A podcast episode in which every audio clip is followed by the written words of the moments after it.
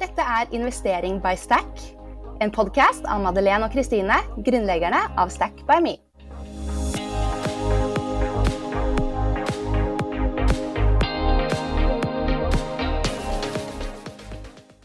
Podkasten er sponset av 247 Office, som er favorittregnskapssystemet vårt. Hallo! Velkommen til Investering by Stack, podkasten hvor vi snakker om penger og investering. I dag så har jeg med meg Nilam Anjum her i studio. Og hun er bydelsoverlege, foredragsholder. Hun har en egen podkast som heter Nilams verden. Hun er gründer av Norges største plattform for kvinner med minoritetsbakgrunn, Desibloggerne. Hun er investor og influenser. Og i tillegg så har hun også startet et makeup-brand som heter Nilam Beauty. Så en dame som har gjort veldig mye. Velkommen hit, Nilam. Tusen takk. Takk for at jeg fikk, ble invitert hos dere. Ja, veldig, veldig gøy. Det er uh, ja, uh, mange ting i introen her, men kan ikke du fortelle litt om deg selv, da? Hvem er du? ja, det er et godt spørsmål. jeg er først og fremst Jeg har fem barn, så jeg er en mamma. Det er jeg veldig stolt av. Barna mine er min hva skal jeg si, største ressurs. det kan vi komme litt eh, nærmere inn på etterpå. Ja. Hvor gamle er de? Eh, yngste er syv, og eldste er 15. Og han blir snart åtte, så det er ganske det er tett. tett. Ja. Wow. Mm. Ok, Fem barn i tillegg ja. til alt dette her. Mm -hmm. eh, ja, og jeg jobber som bydelsoverlege i en bydel i Oslo kommune. Eh, jeg er spesialist i samfunnsmedisin. Eh, så jeg jobber mye med folkehelse, jeg jobber med fastlegeordningen, noe som heter miljørettet helsevern. Eh, hvordan man, det miljøet man jobber i, om det, og utbygging av forskjellige store prosjekter. Eh, så det er ganske spennende. Jeg jobber også med ganske vanskelige saker. Eh, noe som vi kaller sånne alt fra bekymringsmeldinger til tvangsinnleggelser. Ja. Med de som er alvorlig psykisk syke. Oi. Jeg er også leder av noe som heter psykososialt kriseteam. Og det betyr at alle store hendelser, katastrofer, suicid, ja, dødsfall, de jeg, går jeg inn med mitt team, og da delegerer ut og bistår teamet med å håndtere saken. Shit. Ja, for jeg tenkte på det liksom bydelsoverlege. Hva er det, liksom? Men er det sånn, har, er du jobbet deg liksom gradvis oppover i systemet? Eh, som overlege så har man jo det uansett om man ja. jobber på sykehus, for man starter jo alle som disse turnuslegene, som nå ja. heter LIS1. Så jeg har jobbet alt fra eh, som fastlege i mange år, jeg har jobbet i fengselet, eh, men mest kan jeg tenke at jeg har jobbet i inn Ahus-systemet, Akershus universitetssykehus, som lege under spesialisering i psykisk helsevern. Eh, og det syns jeg har hjulpet meg mye i hele arbeidet mitt som lege. Så jeg har jobbet i, innen helse i 23 år. Men jeg har jobbet fra jeg var tolv år. Så Oi. nå er det vel, nå har jeg jobbet i over 30 år. Jeg gikk med avisa. Jeg hadde sånn kjempetidlig søndagsrute, sånn fysiske aviser. Det er jo ikke så mange som gjør det nå lenger. Nå går jo alt på nett. Men det mm. husker jeg var tungt, for da måtte jeg stå opp fem og prøve å rekke ruta litt før klokken seks. Eh, og mange ganger regnet det, og det var slitsomt. Og så var det jo en del feil med disse leveringene fra distributørens side òg, så det husker jeg var tungt. Og så begynte jeg å jobbe i butikk fra jeg var 15. Jeg, og da var jeg i perioder også som butikkmedarbeider, men fungerte egentlig som leder, daglig leder. Du tok en veldig tidlig ansvar da, og begynte ja. jo karrieren din, hvis man kan kalle det det, ja. veldig tidlig. Og så, for sånn, Da vi ble, kjent med deg, det var vel første gang vi møttes, var vel ja. på sånn her Equal Agency, ja, det stemmer. Eh, sånn nettverkstreff. Ja. Eh, men da var du der mer med på en måte Nilams Beauty. Ja, det stemmer. Fordi alt dette her gjør du da, og du er liksom influenser og hele ja. den pakka, det gjør du da på siden. Ja, det stemmer. Ja. ja. Og jeg, jeg, liker det, jeg trives veldig godt i arbeidet mitt som lege, og jeg tenker mange ganger jo kompliserte og vanskelige saker det er, jo mer liker jeg å gå inn i det. Så jobben er det, jeg gleder meg, det er bare gøy. Så jeg ja. ser ikke på det som jobb, jeg er bare heldig at jeg får gjøre noe som jeg trives med, og gå og stå opp og bare tenke yes, dette skal jeg drive med i dag. Så, Shit, altså. Og jeg tenker jo at jobben er viktig, og det utgjør en stor forskjell for de andre jeg hjelper til der ute. Fordi du kan tenke deg, ikke sant, jeg kan eksempel prise mine tjenester kjempehøyt, om man er jurist eller om man er influenser, men det er hva du skaper der ute, og hva noen er villig til å betale for det, som egentlig betyr noe. Mm. Som jeg sier at ja, jeg skal ha en timesats på 50 000, og ingen vil kjøpe, så, så har det egentlig ikke noe verdi. Og penger i seg selv er jo noe, noe nøytralt, og jeg som er eh, mine foreldre som opprinnelig er fra Pakistan. Jeg er jo en norsk-pakistaner, som vi kaller det. Eh, og der har man jo mange ganger tenkt at nei, men penger, har du for mye penger, så blir det for mye av det gode, og det er ikke bra. Ikke? Det er liksom ja, bad så omen. Det er litt sånn den uh, holdningen ja. du har vokst opp med. Ja. Men du er vokst opp i Norge? Ja, jeg er født og oppvokst i Norge. Men, og da, sant, noen sier at en mann som får seg mye penger, han vil da kanskje finne seg en ny og yngre kone. Men du vet, penger er noe nøytralt. Det er hva vi velger å gjøre med det, og betydningen den har for meg, som gjør at den gir meg verdi. Så hvis jeg da hadde blitt mangemillionær, da, kunne, jeg kunne jo også brukt pengene til å bygge barnehjem i for eksempel i Pakistan eller andre land som trenger det. Så jeg tenker penger er ikke noe galt med, ikke sant, men det er hva vi velger å gjøre, og det er jo vår personlighet som er der fra før, som forsterkes av de ressursene vi har. Så hvis mm. man plutselig blir millionær og blir en drittsekk, så var man i utgangspunktet en drittsekk hele tiden. Ja. Ikke sant? Det er jo ikke pengene som har gjort at du har tatt de valgene. Mm. Det er mm. rart hvordan man kan ha sånn helt forskjellige typer holdninger til penger, da. Noen, ja. bare i noen samfunn så er det jo bare sånn at man drømmer om penger, man vil bare ha mer, mer, mer. Mens ja. i andre samfunn så er det mer at liksom har man mye penger, så er man en drittsekk, liksom. Ja. Mm. Og så, som jeg sier, hvis, eh, hvis, man tenker på ting som er av sånne merkeklær, ja. for eksempel. Men en kvinne i et, et i-land, eller en mann også for så vidt, for dem ville kanskje ikke denne væsken ha noe betydning i det hele tatt. De er interessert i mat på bordet, god helse og andre verdier. Mens i Norge så ser vi kanskje verdien av det på en helt annen måte. Ja. Og i USA og mange av disse vestlige landene. Så det er jo igjen betydningen det har for oss, som gir en verdi. Ja, og du har jo da sett liksom disse kontrastene sikkert veldig tydelig ja. når man er eh, litt tilknyttet eh, begge. Ja. Helt klart.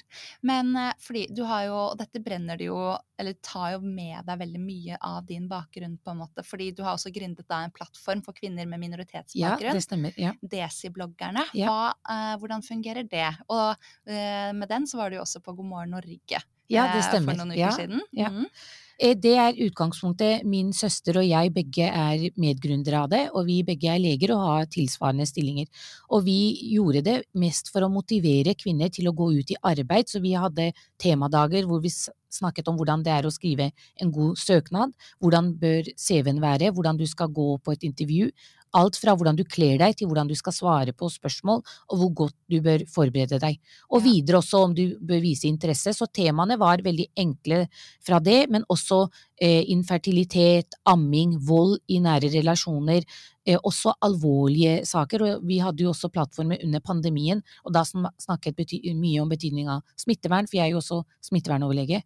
Eh, så det er, det er, en plattform hvor, kan, hvor, jeg viser min hverdag, og vi har sluttet med disse temaene nå, men vi tar det bare sånn fra dag til dag. Men det viser jo også hvordan en kvinne som meg, som har foreldre fra Pakistan, og jeg har fem barn, jeg har flere verv, jeg er, sitter i kurskomiteen for spesialisering av fastleger i allmennmedisin eh, i Oslo kommune, samtidig som jeg er også vara tillitsvalgt nå, men jeg skal bli hovedtillitsvalgt igjen fra nyttår. Eh, jeg er jo også, sitter i styret i noe som heter LIN, likestilling, inkludering og nettverk. Jeg er nestleder i styret. Jeg ble spurt om å være leder, men jeg sa nestleder er greit. Og det er jo også for kvinner med innvandrerbakgrunn, hvor de går i får besøk av barnevernet, får besøk av HDIR, eh, der de får informasjon om hvordan de skal komme i jobb. Og der ser vi at turnoveren er kjempestor. 97% av de som går disse kursene, får jobb det første året, og de, de 3 som ikke får det, de får jobb året etter. Jeg er jo også eh, medeier i HER. Hun etablerer ressursprogrammet. Ja, det er du også. Eh, ja. Med Donna og flere ja, som har vært eh, her i podden tidligere også. Absolutt, ja. Og det er jo også en kjempefin plattform hvor man Den skal jo lanseres snart, og det er jo også for kvinner, rettet mot kvinner, og menn, da, men spesielt kvinner med innvandrerbakgrunn, som driver og er gründere, som selger tjenester og varer hjemmefra, som lager mat, syr klær, eh, på en måte driver og hjelper samfunnet der ute, men uten at de skjønner verdien av det. Så denne plattformen skal jo brukes for at de skal da kunne Det er Grunndelen av denne plattformen vil jo være gratis, så alle kan benytte seg av det, og nettverksbygging, og så kan man jo kjøpe seg større tjenester om man ønsker det. Mm, ikke sant. Mm. Det, det, er den HER. Ja, det stemmer. Ja. Men um, ja, du er jo virkelig liksom en pådriver og en ressurs Ja. i, for miljøet ditt, og bare går Eller ikke miljøet ditt, men liksom at du trekker med deg og viser virkelig vei, da. Ja. Eh, men fordi eh, dere er veldig store med Desi-bloggerne, Det stemmer, ja. ja, så er dere veldig store på, mm, på Snapchat også. Ja, ja. Hvor, eh, hvor mange på en måte er med i dette, denne Eh, plattformen? Ja, eller- nå har jo jeg gjestet en del andre plattformer, også for kvinner med innvandrerbakgrunn, og Ja. vår er Norges største plattform. Ja. Det varierer veldig hvor mange som er innom, men det er alt fra 5000, 7000, eh, og litt ettersom hva slags tema det er. Ja. Eh, Så det er jo helt fantastisk, og vi ser at det er ingen andre grupper som når så mange kvinner på en gang som vi gjør, da. Mm. Eh, Så det syns vi er veldig gøy. Det er vi veldig stolte av. Veldig. Shit, altså. Mm. Ja. Og du er jo et forbilde som eh, sikkert mange tenker sånn Ja. Ok, her har vi mye å lære. Fordi, ja, det er jo Jeg driver jo også Jeg underviser en del, sånn som er i tilknyttet jobben min, men jeg har også underviser på Folkeuniversitetet. Det er jo for helsepersonell som kommer fra utlandet og som skal få norsk autorisasjon. Og det er leger, sykepleiere, sosionomer, eh, også apotekteknikere, ap eh, farmasøyter. Eh, og det syns jeg er veldig spennende. Nå har vi jo laget plattformen sånn at det går elektronisk, så jeg trenger ikke å være der fysisk. Og mange av foredragene da er jo lagret, og de kan jo se på det igjen og igjen. Men jeg har også eh, holdt foredrag for bydelsmødre i den bydelen jeg jobber i. Dette er jo også kvinner med innvandrerbakgrunn som kommer inn fra ulike miljøer i en bydel, innbyggerne i Oslo kommune, som da blir ressurs, ressurspersoner for andre kvinner og familier. Og disse går gjennom en slags utdanningsprogram, og det tror jeg de syns det var veldig kult at det kom en kvinne som dem. Som, ikke sant, Mhm. Jeg har langt, svart hår, brune øyne, og, og det tror jeg de satte veldig pris på. Samtidig som det å være lege ses det, Man ser veldig opp til det i flere kulturer, mm, og da opplevde de at de fikk veldig god kontakt med meg. Og det var nok ikke undervisningen i seg selv, for jeg snakket om kvinnehelse og sykdommer, og det kan jo mange leger og andre helsepersonell gjøre, men det var den kontakten vi fikk. mm. Eh, Vi snakket om kjønnslemlestelse og hvordan det er i enkelte kulturer hvor kvinner blir syke, men det er mann som ser blir sett på som offer, fordi det har han ikke en han kan liksom bruke litt tid med, ingen som gjør jobben hans og steller til hjemme. mm. Eh, Så det var veldig fint, og mange kjente seg igjen i det. Så det var veldig gøy. Ja, Mm. virkelig. Altså, jeg bare tenker eh, Hvor er det du får alle disse timene i døgnet fra? Med så, Du har så mange ting eh, på gang, da, og så mange bra Ja. Jeg trives jo veldig godt med det, og jeg er, som du nevnte, jeg er jo en litt sånn mini-influenser òg. Jeg har jo vært med på noen eh, TV-programmer, noen som er litt sånn morsomme, ja. som er helt annerledes, som som Charterfeber, men jeg har jo også vært med på Hvem bor her, og på grunn av det så har jeg også kommet i kontakt med andre som lager filmer, for eksempel. Og nå har jo mitt eh, mellomste barn vært med i en film som heter Hør her, da. Ja. Eh, og det er basert på en bok skrevet av en norsk-pakistaner som meg. Eh, veldig morsom. Eh, anbefaler alle å se den. og Man må ha litt, tå- tåle litt humor, da, for det gjør litt eh, narr av det som er veldig sånn typisk norsk, men også det som er veldig typisk for utenlandske. Så jeg kjenner meg igjen i alt.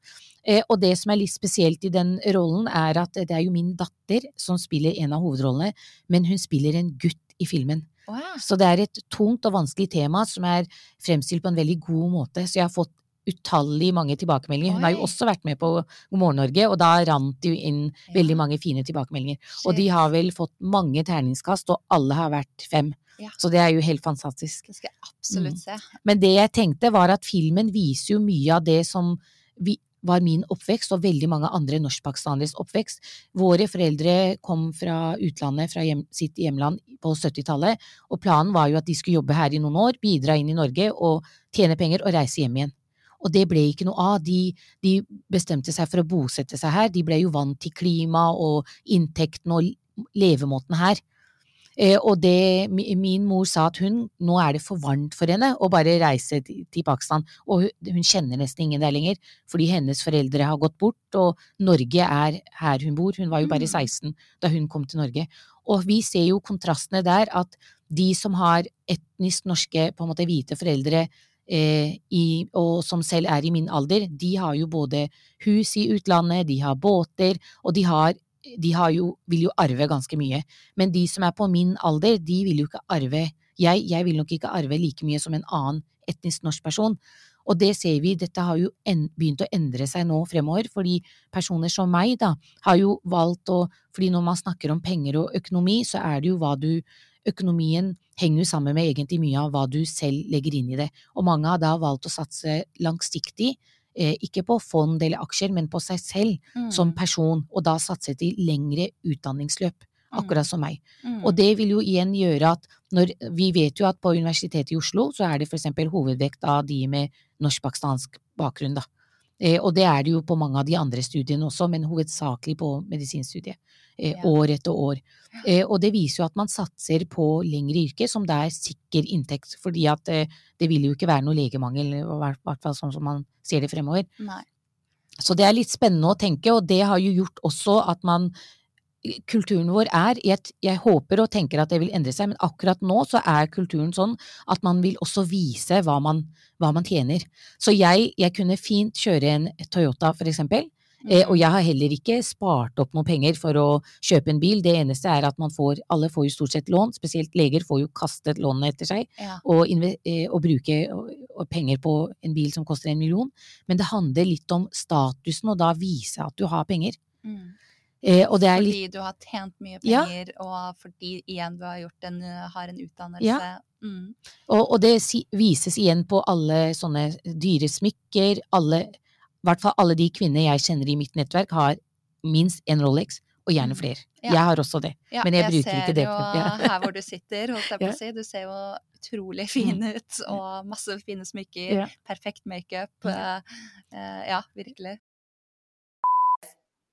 Denne podkasten er sponset av 247 Office, som er det regnskapssystemet vi bruker, og som har blitt en viktig samarbeidspartner for oss.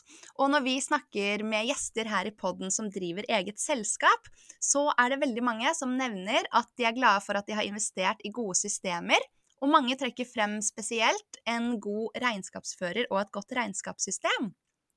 Ja, det er jo så mange som tenker at det er lett å spare penger på å gjøre mye av regnskapet selv.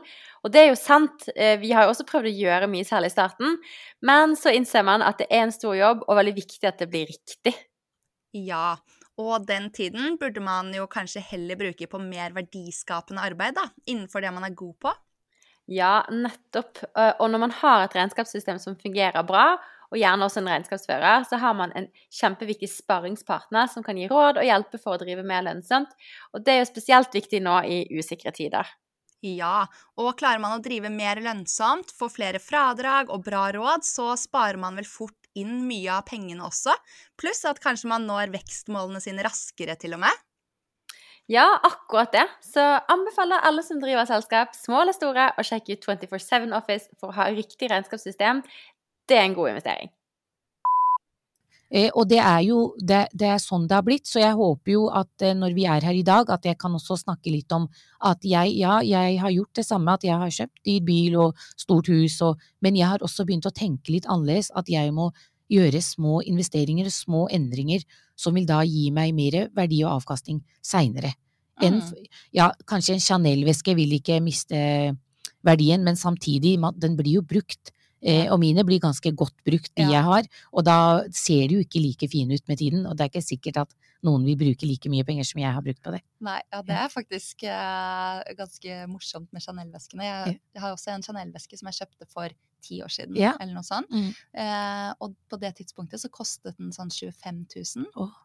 Det er jo veldig mye penger ja, ja, ja. å bruke for, på en veske, mm. men, um, men, det var i hvert fall et valg jeg gjorde da. Men nå mm. så koster jo den samme vesken 130 000. Ja. Samme med mine også. Det er helt sykt. Ja. Jeg har så... til og med en knæsj gul som ingen andre vil ha, men jeg elsker den. Og det, jeg var og sjekket litt på nett, jeg tenkte den er jo vanskelig å få tak i, og prisene bare går opp. Ja. ja. ja. Mm. Du vet jeg jobbet for Chanel før. Å oh, ja, nei, det visste jeg ikke! Ja. Oh. Chanel Beauty, da. Wow, Så du, du har litt connections òg, kanskje? Jeg har veldig, veldig stor elsk eh, for det merket. Ja, fantastisk, så gøy! Ja.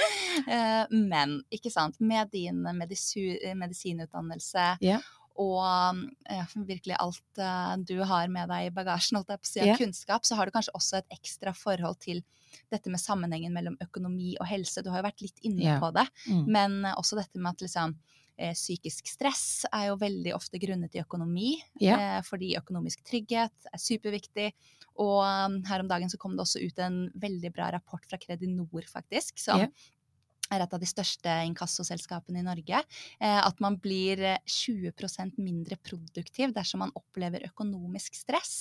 Ja. Og er dette på en måte Dette gjelder jo alle, da, ikke kun eh, liksom minoritetsbakgrunn. Men er dette noe du jobber med på jobb, eller har litt sånn insight på hvordan man Eller tips, eller Eh, du vet, helt klart eh, eh, vi, Norge i dag, i 2023, så er det fremdeles noen som ikke ønsker å leve. Tenk at man tenker at jeg vil avslutte livet mitt på grunn av man har dårlig økonomi. Ja. Og det vil, i, I Pakistan så skjer det. Det er mange som begår suicid fordi de vet at de har ikke eh, mulighet til å gi barna sine mat i løpet av en kveld. Men at det skjer i Norge, det er av det stresset som du nevner både fra inkassobyrå og andre. Så jeg tenker at jo, det å investere i seg selv og sin helse, det, det er i egentlig den beste økonomien i seg Mhm. selv. Så lenge du er frisk, så vil du kunne yte og bidra i samfunnet. Da igjen jobbe og levere tjenester. Og, og vi vet jo at vår verdi, i hvert fall den økonomiske verdien, beregnes jo ut fra hva du leverer av tjenester. Mm. Så det er jo det vi gjør, at jeg velger å eh, levere mine tjenester, og så får jeg penger på konto av det, hvor jeg kjøper igjen noen som andre har laget og produsert, og liksom, så verdien måles jo ut ifra det. Ja. Og, Ja. Det er jo virkelig Ja, det er veldig interessant liksom at eh, økonomi kan spille så stor rolle, da. Og Ja. det å bare ha eh, og, da, og det å ha liksom kunnskap om Mm. dette her, da. Hvordan skal man skape en trygg, ja. trygg økonomi i fremtiden? Det å bli introdusert for liksom fondssparing, Mm. Ja. eller eh, som du også sier, hvor viktig det er å investere i sin egen helse og sin Ja. egen utdannelse. Eh, alle For- disse tingene. Når du tenker på det at eksempel når du går ut og handler, eh, har du god økonomi, så vet du at du kan kjøpe eh, alt fra blåbær til gode grønnsaker til andre som kjøper ferdigposer, ikke sant. Mm. Eh, og det, det igjen, hva, hva vi spiser vil jo gi store resultater eller konsekvenser for helsa vår.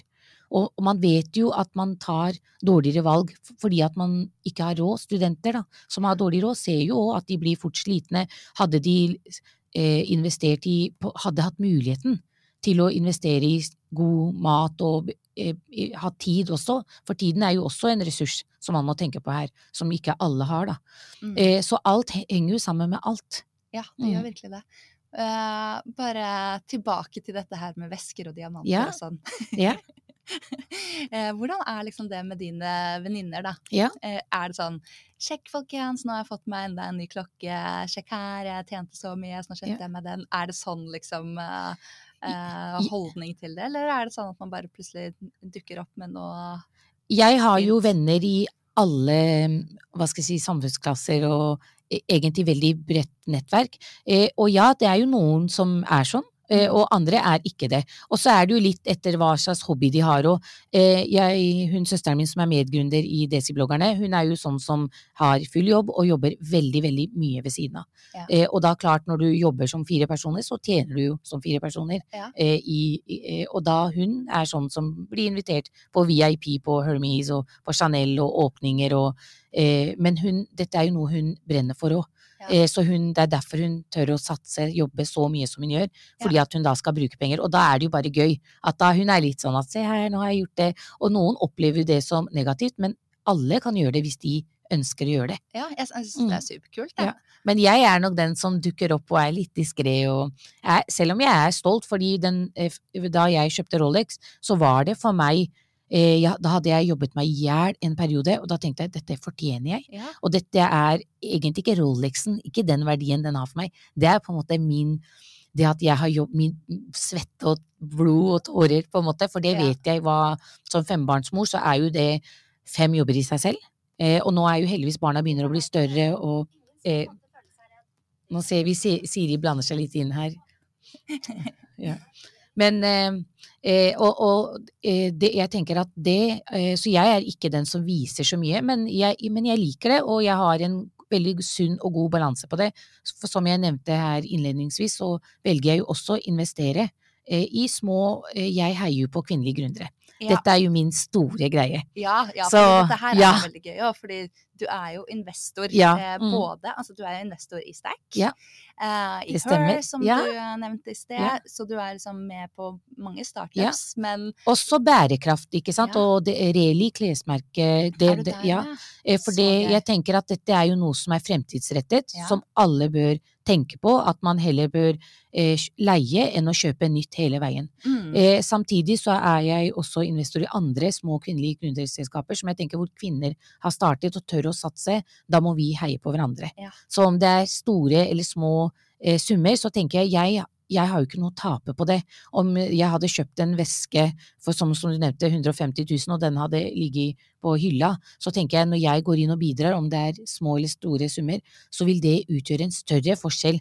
Og det, det gjør en ja, kjempeforskjell. ja, ikke altså, sant? vi er jo ute og henter penger yeah. selv støtt og stadig, og eh, liksom 50 000, 150 000, yeah. 200 000 Altså, det, det spiller kjem... Man kan utrette så mye med de pengene, da. helt klart. Så du er liksom med på å gjøre en drøm virkelig Ja. å støtte det. Så Mm. er det jo også et lodd ja, ja, ja. du kan få noe enda mer tilbake, da. Og det er jo det man tenker at jo flere Kvinner blir jo motivert når man ser at andre velger å satse på noe de tror på, og hjelpe dem i det, å oppfylle deres drøm. Og da Mm. tenker jeg at det, vi, det forsterker jo en motivasjon som gjør at de òg jobber og tenker at her er jeg ikke ansvaret for bare meg selv, men også de snille eh, investorene som har hjulpet meg på denne veien, da.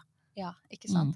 Så ja, du er ganske mye inne i forskjellige startups. Er det kun kvinnelige eh, founders, holdt jeg på å si, du investerer i, eller? Ja, eh, hittil ja, er det det. Og jeg har også fått tilbud om en del andre helseplattformer Ja. eh, som jeg foreløpig ikke har valgt å sette meg inn i. For jeg tenker noen ganger så kan jo det bli interessekonflikt òg, fordi at jeg jobber Ja. som lege, og det er det, den jobben jeg gjør. Og det andre jeg gjør ved siden av, er mer interesser og hobby.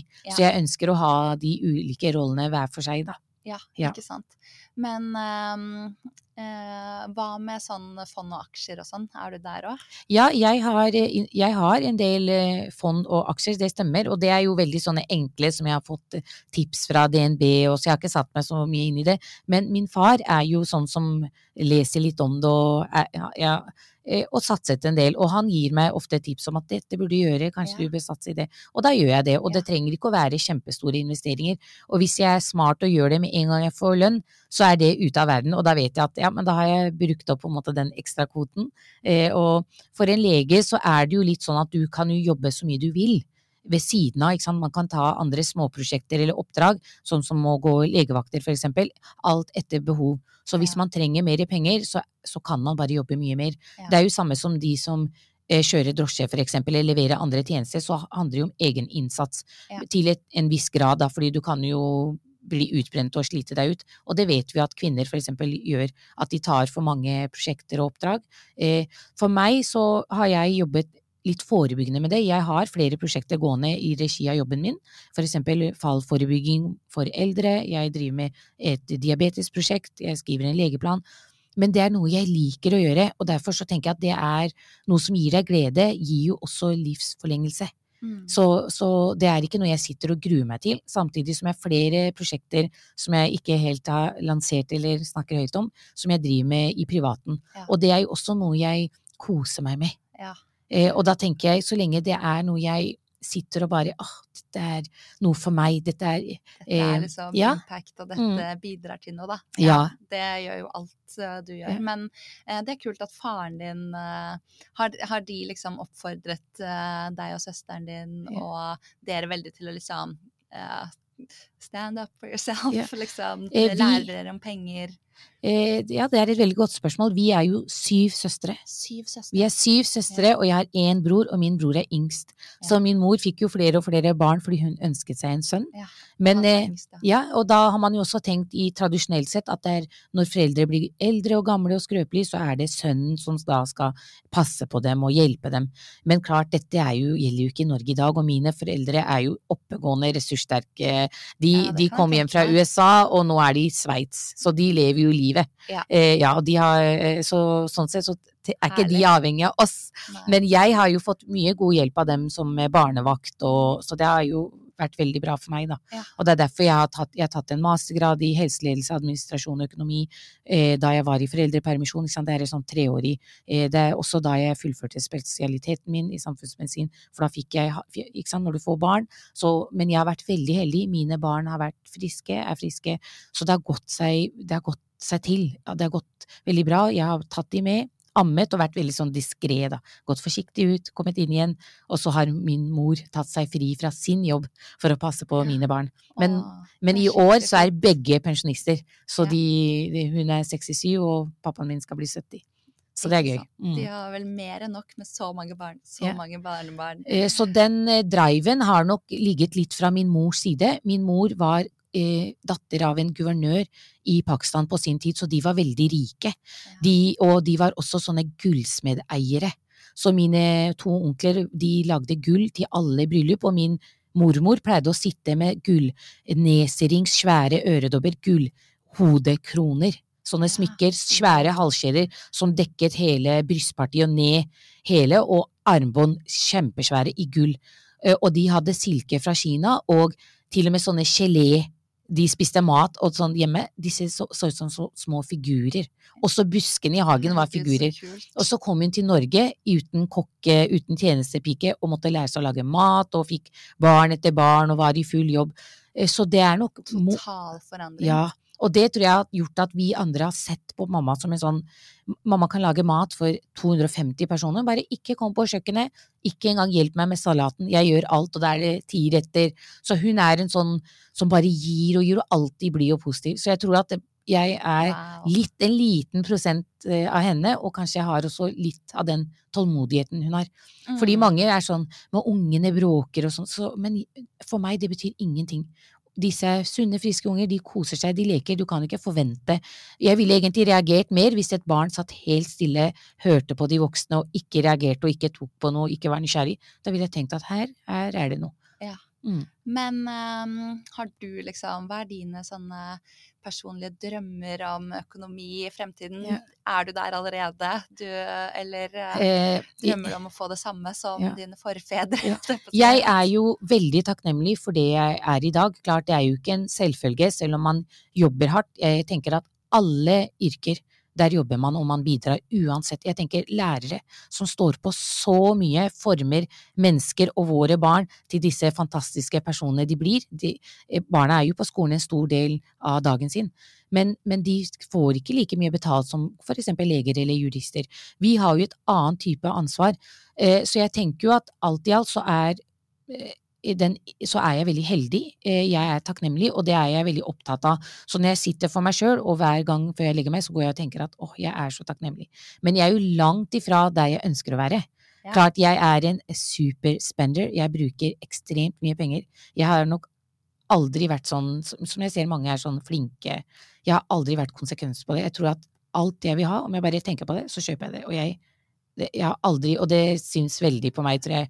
Men det det er så kult. Og det handler om Så jeg at pleier å tulle til Ja. mannen min og si alt jeg vil ha, er Ja. alt. Ja, men det er helt riktig, og mange sier til meg, Nilam, du har så store øyne, og du, det er, du er der, og mange ganger når jeg er i butikker, og jeg har en egen eh, sånn personal shopper i utlandet òg, som handler, og jeg kan sende meldinger midt på natta, og jeg holder på sånn, og det, det er jo fordi at jeg vet at jeg kan stå i det. Ja. Ikke sant? Er ikke, dette er jo ikke kredittkortet jeg lever av, jeg lever jo av min inntekt og det jeg driver med. Eh, og det er der jeg tenker at, eh, men i fremtiden så ønsker jeg jo å være mer økonomisk rettet, og jeg tenker at den som ikke kan noe om økonomi, eh, uansett om de kan mye om sitt fag, så, så bør de lære seg det. Det å, at barn lærer om økonomi, det å når de tjener penger, når de får lørdagspenger, at de da tenker at noe kan de bruke, noe bør de spare på, og noe bør de også tenke på å gi bort til noe, eksempel Kirkens Nødhjelp eller Røde Kors, eller noe som de tenker kan hjelpe andre mennesker.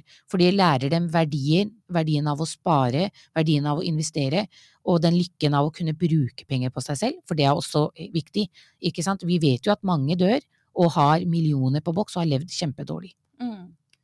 Så det er en balanse i det, da, og jeg er nok litt på den overspender Ja. enn eh, den eh, friske Ja, men jeg digger det. Mm. Det, det er kjempe, kjempekult. Men eh, Men hva skulle jeg si, vi må faktisk begynne å runde av Ja, her. ja. Og så, men vi pleier å avslutte hver episode med en liten oppfordring. Ja. Så jeg tenkte kanskje i dag at du ville, hvis du har noe mer på hjertet Ja. som du må få ut eh, her. Eh, fantastisk. Ja, eh, det er mye jeg vil si, men jeg kan si at invester den største investeringen du kan gjøre, spesielt som kvinne og kvinne i, med minoritetsbakgrunn, er at du tenker på deg selv. Og det betyr, når du sliter psykisk, så tenk på din mentale helse. Eh, man ser jo det på fly også, man oppfordrer å selv ta på seg masken som voksenperson, og så hjelpe sine barn. Og det er sånn med leger òg, har ikke jeg det bra, så kan ikke jeg hjelpe mine pasienter. Mm. Og derfor så tenker jeg du som holder, vi vet at kvinner er ofte limet i mange forhold og mange hjem, fordi kvinner har også en naturlig omsorgsrolle, at de da går inn og investerer i seg selv. Og det betyr at du da at du holder en dagsplan, at du, selv om du er hjemmeværende, om du er husmor, men at du kommer deg ut, at du bygger opp et nettverk, at du satser på helsa di, prøver å gå turer, spise sunt, trene, søvn, ha en god søvnhygiene, for søvn vet vi har veldig stor innvirkning på helsa di. Så sats på deg selv, og, og om du er interessert i noe, jobb med den hobbyen, ta deg utdanning, gå kurs, eh, og tør å ta sjanser. Og tenk også at eh, kvinner kan gå i topplederstillinger, at de kan bli store, like store som menn, eh, og ha med sitt perspektiv uten å glemme seg selv. Så det er ikke noe feil å være både yrkeskvinne og mamma, man kan finne balanse som jeg har gjort, men tør å satse på deg selv, ikke for det jeg, eh, det, jeg har jobbet som kommuneoverlege, og mange år så tenkte jeg at eh, dette var dette var noe kjempestort. Åh, tenk, jeg jobbet, jeg, da jobbet jeg som lege innen psykisk helsevern og skulle legge inn pasienter på tvang, og så måtte jeg vente på et vedtak fra kommuneoverlegen. Og tenkte dette er kjempestort. Men nå har jo jeg jobbet som det selv i over ti år. Så jeg tenker ingenting er umulig, men du må tørre å satse på deg selv, og du må tørre å tenke stort. Eh, og, og du må tenke enda større enn det. Ikke sant? At eh, eh, for mange år siden så, så ville jeg aldri tenkt at jeg er her hvor jeg er nå, og nå er jo drømmene mine enda større og vanvittig store. Mm. Ja, Ja. virkelig. Åh, nei, man blir motivert av å høre på deg. Og bare følge Desi-bloggerne, Ja. eh, Nilam overalt eh, hvor hun er. Eh, men tusen takk for at du ville komme hit til podkasten, dele alt av din erfaring og Eller noe av din Ja. erfaring og dine tanker. Og takk til alle som lyttet inn. Eh, oppfordrer jo til å mm, eh, like og følge podkasten, sånn at dere får oppdatering neste gang det kommer episode. Og ja, vi snakkes! ja. Tusen takk for meg. Ja, ha Ha det! det.